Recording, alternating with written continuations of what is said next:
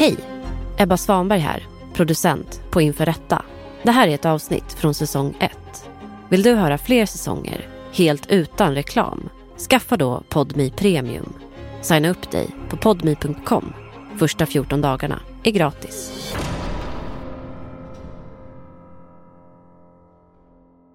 Du lyssnar på Inför Rätta om lärarmorden på Malmö latinskola. Det här är den andra och sista delen.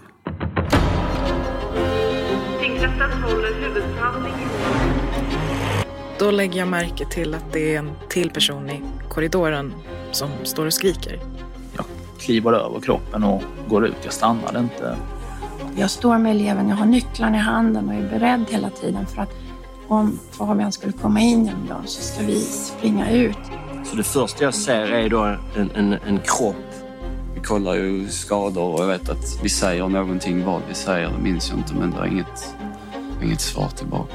Då ser jag ju minst två personer där ute med laddade tjänstevapen som skriker polis.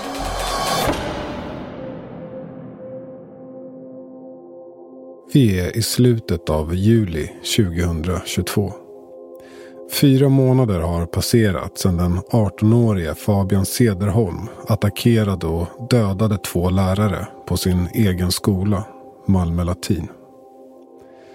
I sal 52 på Rättscentrum i Malmö pågår huvudförhandlingen där den tilltalade Fabian och flera vittnen berättar om den ödesdigra eftermiddagen, måndagen den 21 mars. Klockan är tio minuter över fem när Fabian slumpmässigt väljer ut sitt första offer och går till attack med kniv och yxa utanför toaletterna i mitten av korridoren på tredje våningen.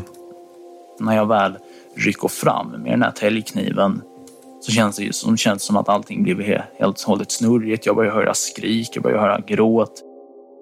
Två av dem som hör skriken utifrån korridoren är bildläraren Eva och eleven Vilma som befinner sig i den stora bildsalen. Och då hör vi ett fruktansvärt skrik. Eva, Vi tittar på varandra så här, jag och eleven. För att det är ett, det är ett vrål rakt ut. Efter att Eva och eleven Vilma sökt skydd i ett av bildsalens hörn går Eva in i ett intilliggande rum och därifrån öppnar hon dörren och tittar ut i korridoren. Och på golvet ligger en kropp. Fabian står gränsle över kroppen. Och eh, hugger. Inne på en handikapptoalett i ena änden av korridoren, ungefär 15 meter från den plats där attacken äger rum, befinner sig eleven Felicia tillsammans med en kompis. När Felicia hör skriken går hon ut i korridoren och ser då även hon hur Fabian attackerar Beatrice. Och jag bara ser den här personen slå mot personen som låg ner. Och jag kunde inte tyda om det var en yxa eller hammare, men det såg ut som något av det. Och liksom håller ner människan. Och jag ser när jag öppnar och tittar ut, den här människan som ligger där kommer aldrig mer leva. Det förstår jag.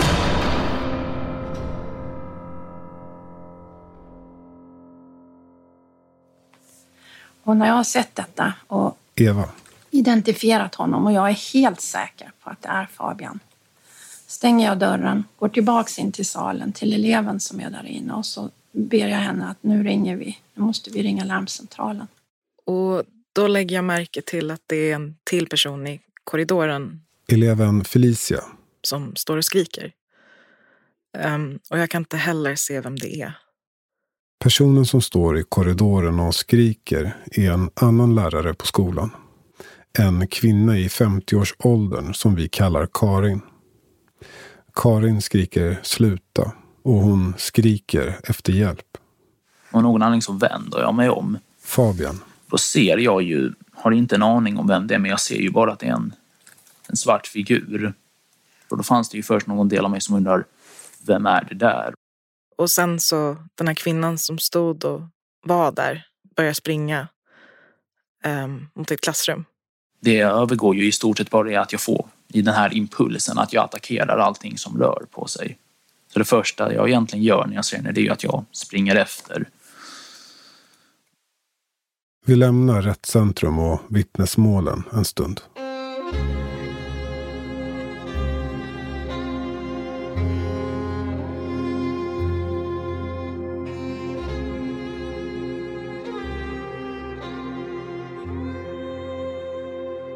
Jag heter eh, Konrad Grönlund och eh, jag är 23 år gammal. Konrad, som idag är journalist, gick gymnasiet på Malmö latinskola. Och det var där han lärde känna den lärare som vi kallar Karin. Ja, hon, hon var den som fick mig in på det här ämnet skulle man kunna säga genom min gymnasieutbildning där hon var min mentor och eh, min lärare i samhällsjournalistik och sånt där. Konrad beskriver sig själv som en ganska vilsen person under gymnasietiden och säger att han kanske inte var helt lätt att hantera för lärarna alla gånger. Men Karin och hennes lektioner har han bara positiva minnen ifrån. Man kommer in och ser hon glad och står i dörren och, och säger typ hej till varenda en. Och, eh, hon är liksom... Hon var ju lite av en, eh, en glädjespridare, en, liksom en, en positiv liksom anda och att eh, det gällde även när man hade det lite tufft och man kom dit och var lite ja, men på dåligt humör eller om man skötte sig illa så hanterade hon det på ett bra sätt. Så att det var empatiskt och det var, eh, hon kunde liksom mejla eller eh, snacka med en dagen efter istället för att man ska ta det när man är, om man säger uppe i varv. Ja, där var hon ju duktig liksom. Jag skulle säga att de flesta lärarna blir man besviken ibland eller irriterad, men just där så har det inte varit så. För jag kan inte minnas någon gång när man har varit arg eller besviken på henne. Idag jobbar Konrad som sportjournalist, vilket han drömt om ända sedan gymnasietiden. En dröm som Karin kände till och stöttade. Som när Konrad tillsammans med ett par klasskompisar ville starta en podd om fotboll. Det var också det att hon liksom fixade så att vi hade access på vårt skolkort till den här lilla poddstudion. Att det, det, det kändes också som att då vill man ju någon väl. Efter gymnasiet flyttar Konrad till Stockholm för att studera journalistik. När han under våren 2022 får en praktikplats som sportreporter på Expressen bestämmer han sig för att skicka ett mejl till några av de lärare på Malmö Latin som betytt mest för honom. Då är ju Karin en av de personerna, tveklöst. Inget snack om den saken. Eh, och eh, det var inte så eh, dramatiskt. Alltså man ser det nu i efterhand att man tror att det ska vara dramatiskt. Det var ju inte det. Utan det var så här, ja men eh, rolig grej har hänt liksom. Eh, kul att det har blivit så här och, och tack för ditt stöd och din hjälp typ. Ja, det vore kul att snacka lite liksom. Eh, hoppas att allt är bra typ. Men det var ju den, den 12 mars eller den 13 mars som det är. Mm. Men Karin hinner aldrig svara på Konrads mejl.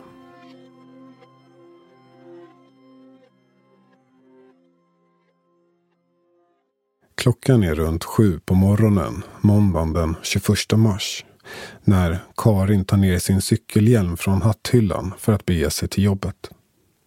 Hon säger till sin man att hon kommer jobba sent.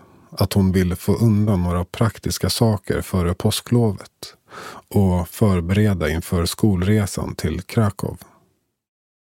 Sen en snabb kyss på kinden och Karin cyklar iväg. Tio timmar senare, klockan elva minuter över fem på eftermiddagen, befinner sig Karin i korridoren på tredje våningen i A-huset. Där blir hon vittne till Fabian Cederholms brutala attack på hennes kollega Beatrice. Karin skriker åt Fabian att sluta. Hon skriker efter hjälp. Du sa att de eh, ropar på hjälp. Mm. Eh, utveckla det. Felicia. Det var ju antagligen den första personen som blev attackerad. Skrek ju när den kunde skrika. Och den andra skrek ju kanske lite mer under hela tidsförloppet. Och sen så, den här kvinnan som var där började springa mot ett klassrum. um, och börjar så här försöka få upp dörren. Men får inte upp dörren, antagligen i ren panik. Och då så vänder sig den här mannen och springer efter. Och jag inser att ja, jag måste tillbaka till toan och låsa in mig. Så att när den här mannen vänder sig om och börjar springa så, så springer jag tillbaka till toan. Och då minns jag ju hur eh, Fabian, hon försöker ju eh, öppna dörren med hjälp av sin tagg, vilket hon precis lyckas med innan jag eh, kommer fram. Men jag lyckas på något sätt få tag i dörrhandtaget precis innan hon hinner stänga. Då blir det en kort dragkamp. Och efter ja, tio sekunder max så lyckas jag väl på något sätt kanske få in benet eller no någonting av mig själv mellan dörren. Okej, men när du springer efter, vad är tanken då? Vad ska du göra med den här personen? Så det är väl antagligen, alltså jag har det, det, jag tror att i stort sett det enda som styr mig under den här synden det är att jag attackerar allt som rör på sig tills det slutar röra på sig. Tänk inte så mycket på exakt hur det ska gå till eller om det finns något särskilt syfte. Det är verkligen bara det är i stort sett bara att jag planlöser mig fram nästan lite så här vilt. Mm. Eh, Så jag tror inte jag tänker så mycket. Precis innan jag stänger dörren Felicia, så bara vänder jag mig tillbaka och kollar en sista gång. Och ser att han börjat slå mot den här Say hello to a new era of mental health care. Cerebral is here to help you achieve your mental wellness goals with professional therapy and medication management support. 100% online. You'll experience the all new Cerebral Way, an innovative approach to mental wellness designed around you. You'll get a personalized treatment plan from a therapist, prescriber, or both in a safe and judgment free space. Your Cerebral therapist or prescriber will outline a customized plan with clear milestones along the way so you can get to feeling your best. With Cerebral, you're not alone in your mental health journey. We're here to empower you to live a fulfilling life. So take that first step towards a brighter future and sign up today at cerebral.com slash podcast and use code ACAST to get 15% off your first month. Offer only valid on monthly plans. Other exclusions may apply. Offer ends July 31st, 2024. See site for details. Get ahead of postage rate increases this year with Stamps.com. It's like your own personal post office. Sign up with promo code PROGRAM for a four week trial plus free postage and a free digital scale. No long term commitments or contracts. That's Stamps.com code PROGRAM. Kvinnan också. Och sen stänger jag dörren och låser och sätter mig in till väggen vid dörren. och eh, då eh, eh attackerar. Och då, eller jag tror jag greppar tag. Till skillnad från det första fallet så använder jag eh, inte kniven på något sätt för att inkapacitera utan jag tror nog bara att jag greppar tag och drar ner henne på något sätt. Alla de här skriken och allt det gör, alltså det blir ett väldigt, väldigt tydligt ringande, i ringande i öronen. Och det känns återigen lite som att jag inte riktigt har någon tydlig känsel av, av det som händer. Det känns lite som att jag tappar kontakten med verkligheten. Eh, och då när hon väl är nere på marken så börjar jag ju då att... Ja, så landar jag ju ett flertal slag. Samtidigt ringer läraren Eva och eleven Vilma polisen från stora bildsalen. Så eh, jag har ingen mobil på mig, jag har aldrig det. Men hon hade, hon var väldigt så duktig som ungdomar är, snabb och med mobilen så hon ringer. Och jag är jätteuppskakad för jag har ju sett det här fruktansvärda. Men hon, hon vet ju inte så mycket, min elev, så hon är lugn och hjälper mig. Jag säger först, du får prata, du får prata, för att jag, jag är helt i upplösningstillstånd. Men hon, hon lugnar mig så att jag kan prata med larmcentralen. Det är Vilma som inleder samtalet. Hon berättar var de befinner sig. Att de inte vet vad som händer men att det pågår någon form av överfall och att de hört skrik. I början av samtalet framgår det inte vad Eva sett. Bara att skriken nu tystnat och att de är rädda. Ehm, jag jobbade för dagen med kollega David Polis Martin Gillborg. och jag är, eh, jobbar på gränspolisen som spanare och i normalfallet, vilket även så denna dagen, så var jag civilklädd, eller vi var det, i en civil bil. Ehm, och vi hade inget speciellt ärende utan vi rullade runt och letade efter sånt som är intressant i, i det vi sysslar med på gränspolisen. Martin Gillborg och hans kollega befinner sig vid Pildammsparken, ett par kilometer från Malmö latinskola, när ledningscentralen går ut med ett ärende. Eh, och ärendet var ungefär kvinna skriker på hjälp på latinskolan. Eh, och som polis så vet man att det kan vara allt möjligt ett sånt ärende. Men, men eh, vi tittar på varandra och David, vi var helt överens direkt att ja, men vi kör på det. Så jag började köra ditåt. Samtidigt befinner sig eleven Felicia inne på handikapptoaletten på tredje våningen tillsammans med en kompis. Hon vet inte vad som händer utanför. Hon vet inte var mannen som hon precis sett attackera en person ute i korridoren är eller vad han gör. Men hon vet att dörrarna är tunna och att det är lyhört. Så hon vågar inte ringa polisen. Dessutom har både Felicias och hennes kompis telefoner nästan slut på batteri. Så jag sitter mot den här dörren och försöker kontakta människor som jag vet är på skolan. Ehm, så här att säga åt dem att bara kom inte till A-huset.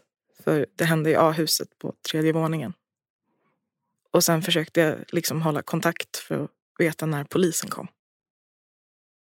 I stora bildsalen pratar läraren Eva och eleven Vilma alltjämt med larmcentralen.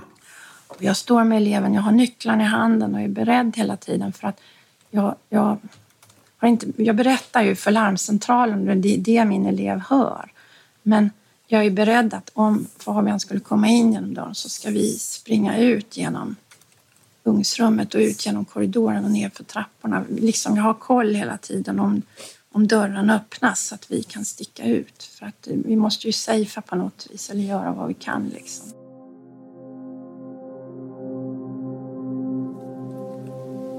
Vad är det som gör att du slutar slå? Det är nog bara... Det är nog bara efter ett, ett visst antal slag som jag bara som jag bara stannar upp och så jag tror nu att jag är ganska snabb med att jag kliver över kroppen och går ut. Jag stannar inte. Jag stannar inte där inne under någon längre period. Eh, jag har liksom inget eh, intresse av att stanna kvar. Jag vill ju inte. Jag vill helst inte titta på personen eller något åt det hållet. Klockan 17.12.46 bara två minuter efter att attacken inleddes är den över. Och Fabian går ut i trapphuset. Så som jag känner mig där, alltså jag minns att jag känner mig väldigt, väldigt urladdad. Jag känner mig väldigt svag rent fysiskt. För jag hade ju bilden att om det kom en person till så hade jag bilden att jag skulle inte attackera den. Jag vet bara, jag, eh, det kändes liksom som att eh, jag inte skulle vara fysiskt kapabel. Det är ju det också att när jag väl då tänka. Jag minns ju att vid något tillfälle att när jag går ut i trapphuset att jag kollar ner och ser vad det är jag håller i och om det faktiskt är ett mordvapen jag håller i. Och, och då minns jag ju att så fort jag kan hinna tänka efter när jag kommer ut i trapphuset, ingen där, jag bara kommer ut, så känner jag bara att jag tänker inte fortsätta. Jag vill inte fortsätta. Det var en så pass konstig känsla, liksom. Det tog mycket tomhet. Liksom. Det finns bara, det finns liksom ingenting kvar. Efter att ha stått ute i trapphuset en stund går Fabian tillbaka in i korridoren och in på toaletten. Det första jag gör är att jag, jag lägger ifrån mig allting. Uh, mina, jag tar av mig den här magväskan, lägger ifrån mig alla mina alla verktygen. Jag tror jag tar mig skarfen uh, eller halsduken uh, eller åtminstone drar ner den. Från det att läraren Eva och eleven Vilma ringer och larmar tar det drygt åtta minuter. Tills vi hör eh, sirenerna eh, från polis som kommer ute på, på eh, Amiralsgatan. Och det är väldigt tyst under den här tiden. Man hör ingenting. Så att det, det här huggandet och allt det där, det, det tystnar ju ganska fort. Och sen är det helt tyst. Inne på toaletten, precis utanför den stora bildsalen, befinner sig Fabian. I rätten berättar han att han inne på toaletten överväger att ta sitt liv, men att han inte vågar. Och då ringer jag ju, då beslutar jag om att jag ringer till polisen och ber att de ska komma och, hem, och ber att de ska komma och hämta mig.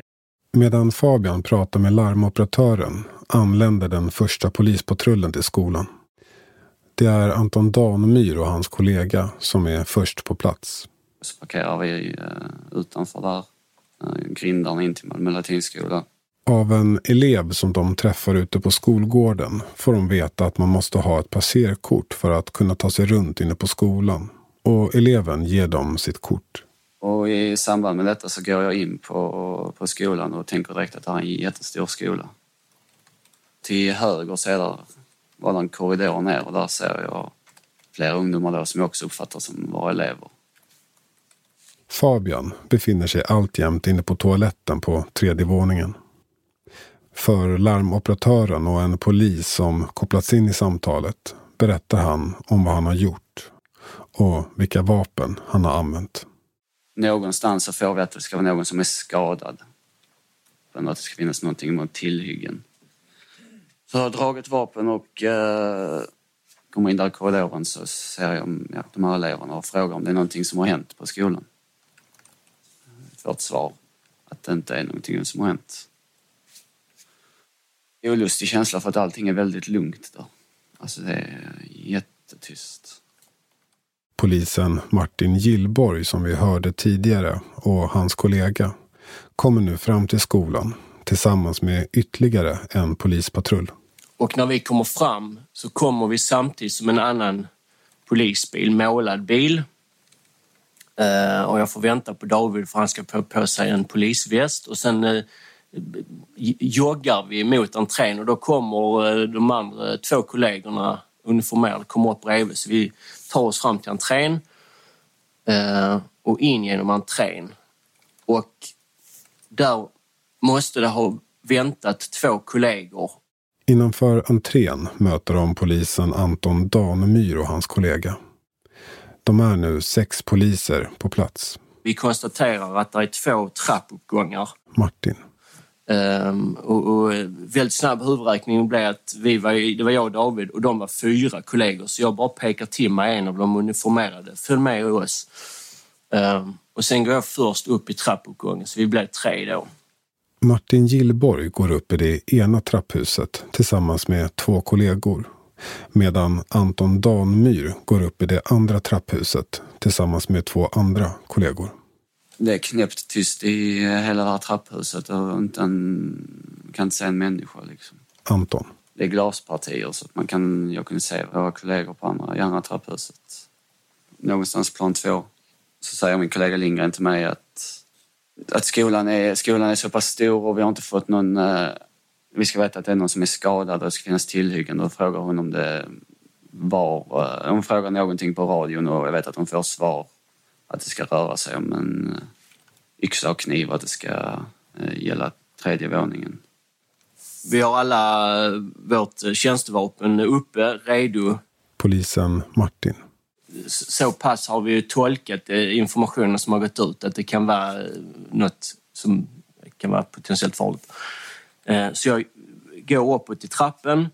Ehm, jag är först in till den här dörren in till tredje våningens korridor. Och när jag tittar in så det första jag ser är då en, en, en kropp en bit in i korridoren. Eh, jag säger till mina kollegor att vi, vi får ändå kolla pulsen. Det är för oss rätt så uppenbart att det är för sent för henne. Men, vi, men jag sa till min kollega att vi, som är närmare att vi måste kolla pulsen i alla fall ändå. Eh, varför är det uppenbart för er att det är för sent? På grund av uh, allt blod, hur, hur kroppen, alltid, alltså hur kroppen låg, allt blod. Man såg att det var väldigt mycket våld Innanför en av toalettdörrarna, alldeles intill Beatrice kropp, befinner sig Fabian. Jag hörde steg ute i korridoren. Jag, kanske, jag tror till och med jag kanske hörde någon skrika offer. Och mer hinner vi inte göra där. polisen Martin. Förrän då öppnas eh, toaletter precis bredvid där, där kroppen ligger. Så öppnas en toalettdörr. Och då öppnar jag ju smått dörren. Fabian. Då ser jag ju minst två personer där ute med laddade tjänstevapen som skriker polis. Um, och det är en man som...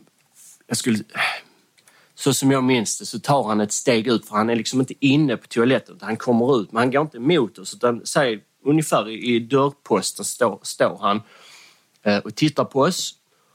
Och det spontana jag känner... Det, först, vill ju, först vill man ju få det till att en elev som har varit där inne medan detta hände.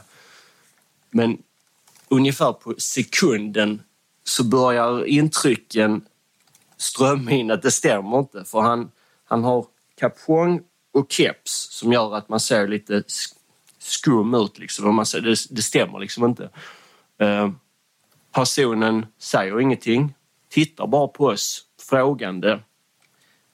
Människan är alldeles för lugn för att ha varit ett, ett, ett vittne borde vara upprört. Så att, så att det stämmer inte. Och sen noterar jag även att där är, där är saker, prylar inne på toaletten. Det hinner jag också notera. Och det stärker också den här känslan av att det stämmer inte. Eh, detta tar väl kanske en sekund, alla de här intrycken. Sen frågar David som står vänster om mig vad heter du eller vem är du kanske han sa. Eh, och så säger han Fabian. Och då är det, då har jag hört det namnet från ledningscentralen. Jag har liksom inte riktigt, jag kan inte säga när jag hörde det, men det är precis som jag får en känsla att det namnet har nämnts. Jag känner igen det. Eh, och eftersom jag, då, då har jag ehm, hölstrat mitt vapen så jag tar tag i honom direkt impulsivt. När jag hör det namnet så tar jag tag i honom och drar honom mot sig. Eh, och utan någon större liksom, motstånd så får jag ner honom på marken, på magen. Eh, får upp ena armen bakom ryggen eh, och inser att jag har inte med mig handfängsel så jag ber då Daniel som är uniformerad handfängsel. Får dem, sätter handfängsel, säkrar honom. Eh, nästa sak jag tänker på är att han hamnar precis bredvid kroppen, eller kvinnan då har jag ju förstått i detta laget. Eh, och jag tycker inte han ska, inte ha något speciellt taktiskt eller något sånt, men, men han ska inte ligga där och kunna se på henne. Så jag drar honom någon meter bort från offret. Nu kommer Anton Danemyr och hans två kollegor som gått i det andra trapphuset in i korridoren. Jag kommer in genom um, den här dörren. Anton. Ja, det är en jätte, jättelång korridor. Och till vänster om mig på marken så ligger där en, en person i, eh, ja, som är väldigt blodig. Och, eh, och mina tre kollegor är där. Och jämte den här eh, personen, skadade personen, offret, så ligger det en person till. Ja, jag uppfattar det som en gärningsman. David försöker komma ut på radion. Martin. Vi har en gärningsman säkrad, men tyvärr är polisen rätt babbliga i stressen. Så det är mycket kollegor som vill säga onödig information, men till slut kommer David ut att vi har en gärningsman säkrad. Ehm, och då, rätt snabbt, så det jag gör sen är att jag frågar honom om han är ensam, vilket han svarar ja. Och sen frågar jag honom, är det fler offer? Och då svarar han direkt Eh, att det är en, en, en till, en till, en kvinna till. Jag minns inte exakt förstås. Eh, och så frågar jag var. Eh, och så inser jag direkt att han är ju fängslad med händerna bakom ryggen så han kan ju inte svara. Men jag tittar på honom och han gör liksom en, någon, på något sätt med huvudet så visar han att det är ner där och så säger han i ett, ett rum eller i ett klassrum. Um, och då har de kollegorna som gick i den andra trappuppgången de måste ha kommit upp för jag ser kollegor nere i korridoren så jag kan peka och förklara att där är ett offer till in i ett rum. Så jag rusar ner där och kollega Lindgren efter mig. Anton. Alltså det är en lång, lång, lång korridor. Och jag får det som att det ska vara ner i korridoren liksom. Men där är dörrar på sidorna. Och det här passerkortet som vi har fått minns jag att vi testar på en dörr. Och ja, så det här passerkortet funkar ju då inte. En bit ner i korridoren ser de ett nyckelband och ett passerkort som ligger på golvet utanför en dörr. När de kommer närmare ser de också droppar av blod. Och jag öppnar dörren och kliver in. Precis innanför den här dörren så ligger en kvinna i, i väldigt mycket blod. Det första jag ser är... Ja, alltså huvudet är mot, alltså riktning mot dörren och benen in mot klassrummet. Och det är väldigt mycket, mycket blod och ser ut som det är väldigt mycket våld mot hennes ansikte. Där är ingen, där är ingen andning och där är väldigt, väldigt mycket blod. Hur är det, kan, kan du göra någon bedömning medvetandegrad? Vi får ingen kontakt. Vad gör ni för något? Alltså vi kollar ju... Eh, vi kollar ju skador och jag vet att vi säger någonting. Vad vi säger det minns jag inte men det är inget... Inget svar tillbaka. Polisen Martin är fortfarande ute i korridoren med Fabian. Det blir lite rörigt för sen ska vi få in ambulanspersonal och man märker att de ska börja prioritera. Min uppgift därifrån blir i stort sett att jag bara stannar hos Fabian och jag försöker förklara lite vad som ska hända. Att om en stund ska, vi, ska du föras. Kommer det en bil och så ska vi ta ner dig och så ska du eh, köras vidare till eh, arresten. Ehm, och när det väl finns en bil för dig så går vi ner med honom och så får han sättas in och köras därifrån. Eleven Felicia och hennes kompis är fortfarande inne på handikapptoaletten. Och sen när polisen väl knackar på toadörren så vågar inte vi öppna. Så att de låste upp dörren och kommer in och eh, de frågar vilka vi är och ber oss om våra idén för att veta vilka vi är. Och sen får vi stanna på toan ett bra tag. Um, därför de skulle liksom få dessa två som blev attackerade till sjukhus och allt sånt. Och få ett grepp om situationen. Um, och när vi väl får lämna toan så möter vi upp med några andra vittnen. Um, och sen så får vi gå till lärarrummet på våning ett i A-huset. Och så får vi sitta där uh, och vänta. Och då får vi tillgång till laddare så att vi kan ladda mobilerna. Och då kontaktade jag min familj.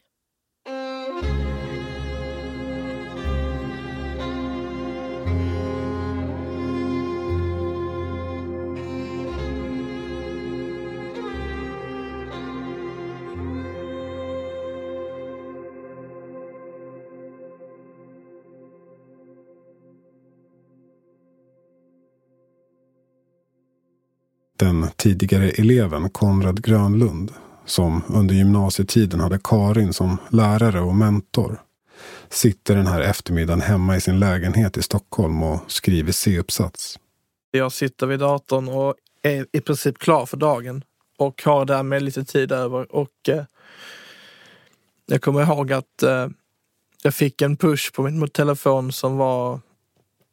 Jag kunde inte ta in det för att det var det var liksom svårt att förstå vidden av det som det stod.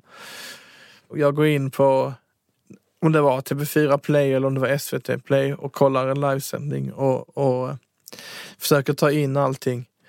Och jag satt här i, i, i Stockholm och kände att okej, okay, eh, att det var helt overkligt att man såg bilder utifrån skolan med ja, vad var det, ambulanser och allt möjligt. Och jag kände att det där är inte det som jag, det är inte den känslan som jag förknippar med den skolan. Liksom. I nyhetsrapporteringen under kvällen kommer fler detaljer om attacken och det konstateras att två personer har avlidit. Vid, eh, ja men det kan vara tio eller elva, så sitter jag i ett gruppsamtal med vänner som är härifrån i Stockholm och eh, en som är från Malmö eh, som jag då och eh, då hade de varit inne och läst Flashback-trådar och, och sådär. Ja, vilket jag inte klarade av själv. Jag hade avstått det. Och då hade de ju eh, nämnt namn som hade cirkulerat. Då var det ett namn som fick det att hugga till i magen på mig. Och eh, det var ju eh, då Karins. Det brutala dådet chockar en hel stad.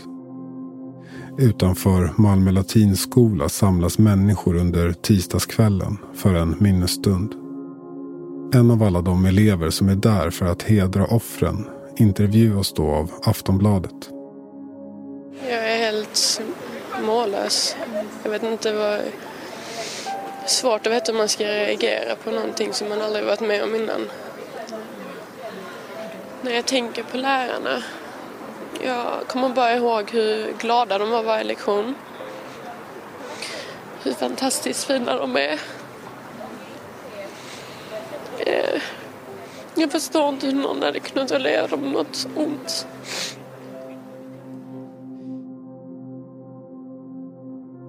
En tid efter dådet publiceras minnesord om de båda offren i Sydsvenskan.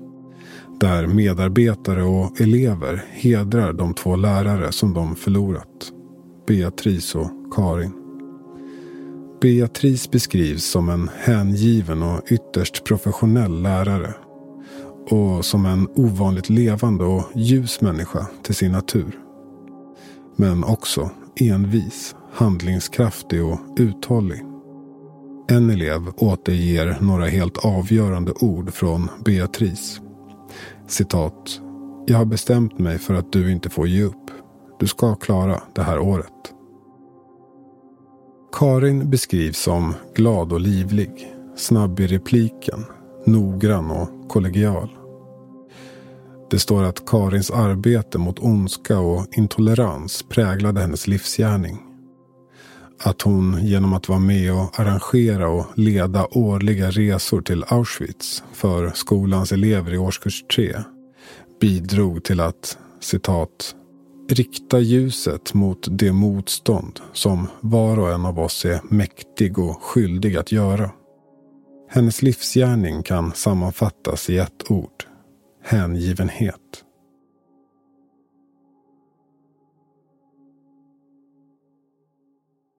Den 20 juli inleds huvudförhandlingen i målet.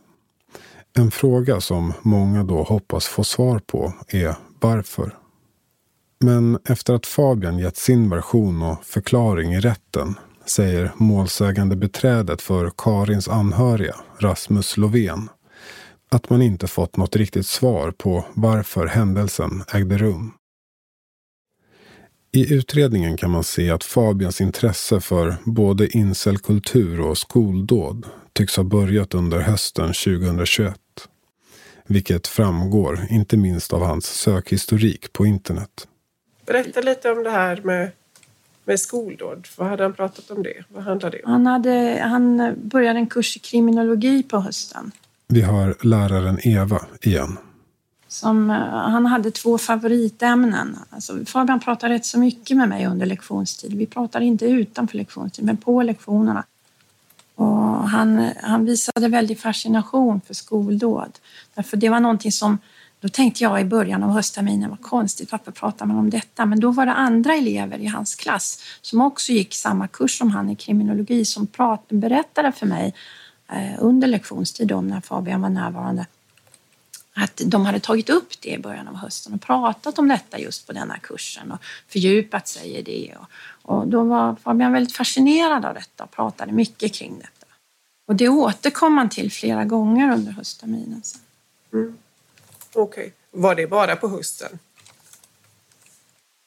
Jag kommer inte ihåg, men uh, han återkom till vissa, vissa ämnen som intresserade honom. Det var skoldåd, han nämnde incel, incelkultur som jag inte hade en aning om att det ens existerar, men han berättade om vad det var för något för mig. Och han, han, pratade, ibland, han pratade faktiskt lite om vapen. Alltså, man pratar om allt möjligt, va? men han pratar om detta också. Varsågod advokat Löfven. Tack så mycket. Jo, du nämnde ju här... Målsägande beträde för Karins anhöriga, Rasmus Lovén. Att du hade märkt eh, ett ökat intresse eller ökad fascination från Fabians sida för skoldåd under hösten. Du nämnde också att han började prata om inselkultur. När i tiden är det som Fabian börjar prata om det? Just inselkulturen? Det är svårt för mig att svara på, för jag kommer nog inte riktigt ihåg, men det var någon gång under höstterminen i alla fall. Okay. Och sen har jag hört i efterhand, men det visste jag inte då, att han, att han gjorde ett eh, gymnasiearbete kring den kulturen. Var det något som han pratade om vid, vid enstaka tillfällen och var det upprepat? Eller? Någon gång under hösten så introducerade han mig för det. Han, han pratade ganska engagerat kring det här. Och, eh, och eh, jag visste ju inte vad det var. Han förklarade lite och sen gick jag ju såklart och googlade upp vad det här var för jag ville ju veta vad det var för något skumt. Va? Och jag tyckte ju det var horribelt. Så att eh, jag modererade honom med det då. Just det här kring inselkulturen, hade du någon uppfattning om varför han tog upp det med dig och varför han började prata om det? Jag tror att Fabian gärna ville berätta saker som han hade i huvudet för mig för att han litade på mig och han visste att jag, jag var liksom inte fördömde honom utan han kände sig nog ganska fri att prata om det han ville med mig. För att jag lyssnade och sen modererade jag som en vuxen. Han var trygg med mig. Jag tror också att det är därför som han berättade så pass mycket den här marsdagen för mig. Jag tror på något vis att det gav honom någon trygghet i allt det hemska. Efter att huvudförhandlingen i målet avslutats genomgår Fabian en rättspsykiatrisk undersökning. Den 18-åring som är åtalad för att ha mördat två lärare på Latinskolan i Malmö i mars var inte påverkad av en allvarlig psykisk störning. Det visar den rättspsykiatriska undersökningen. Det har ju också då under den rättsmedicinska bedömningen av hans eh, psykiska välmående kommit fram att han har autistiska tendenser och eh, han har väldigt svårt att styra sitt, sina, sina impulser. I den rättspsykiatriska undersökningen framkommer att Fabian Cederholm har autism. Försvarsadvokaten vill därför att Fabian ska dömas till vård trots att han inte bedöms lida av en allvarlig psykisk störning alternativt ett tidsbestämt fängelsestraff. Åklagare Johanna Liljeblad å sin sida yrkar på livstidsfängelse. Och i och med att den så kallade ungdomsrabatten slopades i januari 2022 så är alltså livstidsfängelse en möjlig påföljd. Trots att Fabian bara är 18 år. Den 8 september kommer tingsrättens dom. 18-åringen döms till livstidsfängelse för dubbelmorden vid Malmö latinskola. Det här är fullständigt unikt. Det är första gången en så ung person eh, döms till lagens eh, strängaste straff. Tingsrätten går på åklagarens linje. I domen konstaterar man att gärningarna var planerade. Att offren utsattes för ett mycket omfattande, brutalt och besinningslöst våld att de måste ha känt svår dödsångest och att tillvägagångssättet måste karaktäriseras som särskilt hänsynslöst. Enligt tingsrättens bedömning har hans agerande inte haft något samband med eller påverkats av brister i hans utveckling, erfarenhet eller omdömesförmåga. Vidare skriver de den omständigheten att han är autistisk föranleder inte någon annan bedömning. Gällande motiv står det i domen att det inte finns något i utredningen som tyder på att gärningarna skulle vara politiskt eller religiöst motiverade. Eller på annat sätt betingade av några extrema eller förvridna uppfattningar om kön eller etnicitet. Men man skriver också att det i målet finns uppgifter om att Fabian Cederholm velat ha uppmärksamhet. Och att detta tillsammans med hans fascination för skolskjutningar och andra liknande våldsdåd medför att hans uppgifter om motivet till gärningarna inte framstår som helt övertygande i alla delar. Min klient är så pass sjuk så att eh, han egentligen inte hade någon direkt kontroll över det han gjorde där på skolan den här eftermiddagen.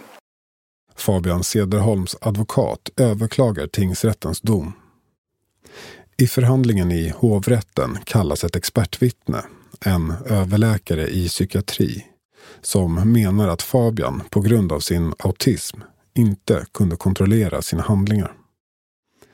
Dessutom får Socialstyrelsens rättsliga råd i uppdrag att se över utlåtandet från den rättspsykiatriska undersökningen. Den 18-åring som dömts till livstidsfängelse för morden på två lärare på Malmö latinskola lider inte av en allvarlig psykisk störning. Det slår Socialstyrelsens rättsliga råd fast. Det rättsliga rådets beslut gör att nu även hovrätten kan döma honom till fängelse. Alltså den diagnosen som då min klient lider under motiverar att hovrätten nu på sin kammare går in i frågeställningen förmildrande omständighet. Den 19 december kommer hovrättens dom. Nu klockan 11 meddelade hovrätten en dom mot en 18-åring som erkänt de båda lärarmorden på Malmö latinskola i våras. Den före detta eleven har erkänt de båda morden men hade hoppats på att dömas till vård istället för fängelse. Men nu har alltså hovrätten, precis som Malmö tingsrätt redan har gjort, valt att ge honom lagens hårdaste straff. De säger att, eh, att man kan anta att 18-åringens utveckling och omdömesförmåga har varit bristande jämfört med andra personer i samma ålder. Det kan ses som förmildrande omständigheter men det ska inte påverka straffet, så skriver hovrätten. Försvaret väljer att överklaga även hovrättens dom. Men i februari 2023 meddelar Högsta domstolen att man inte ger något prövningstillstånd. Det här innebär att straffet står fast. Det blir livstidsfängelse för Fabian Cederholm.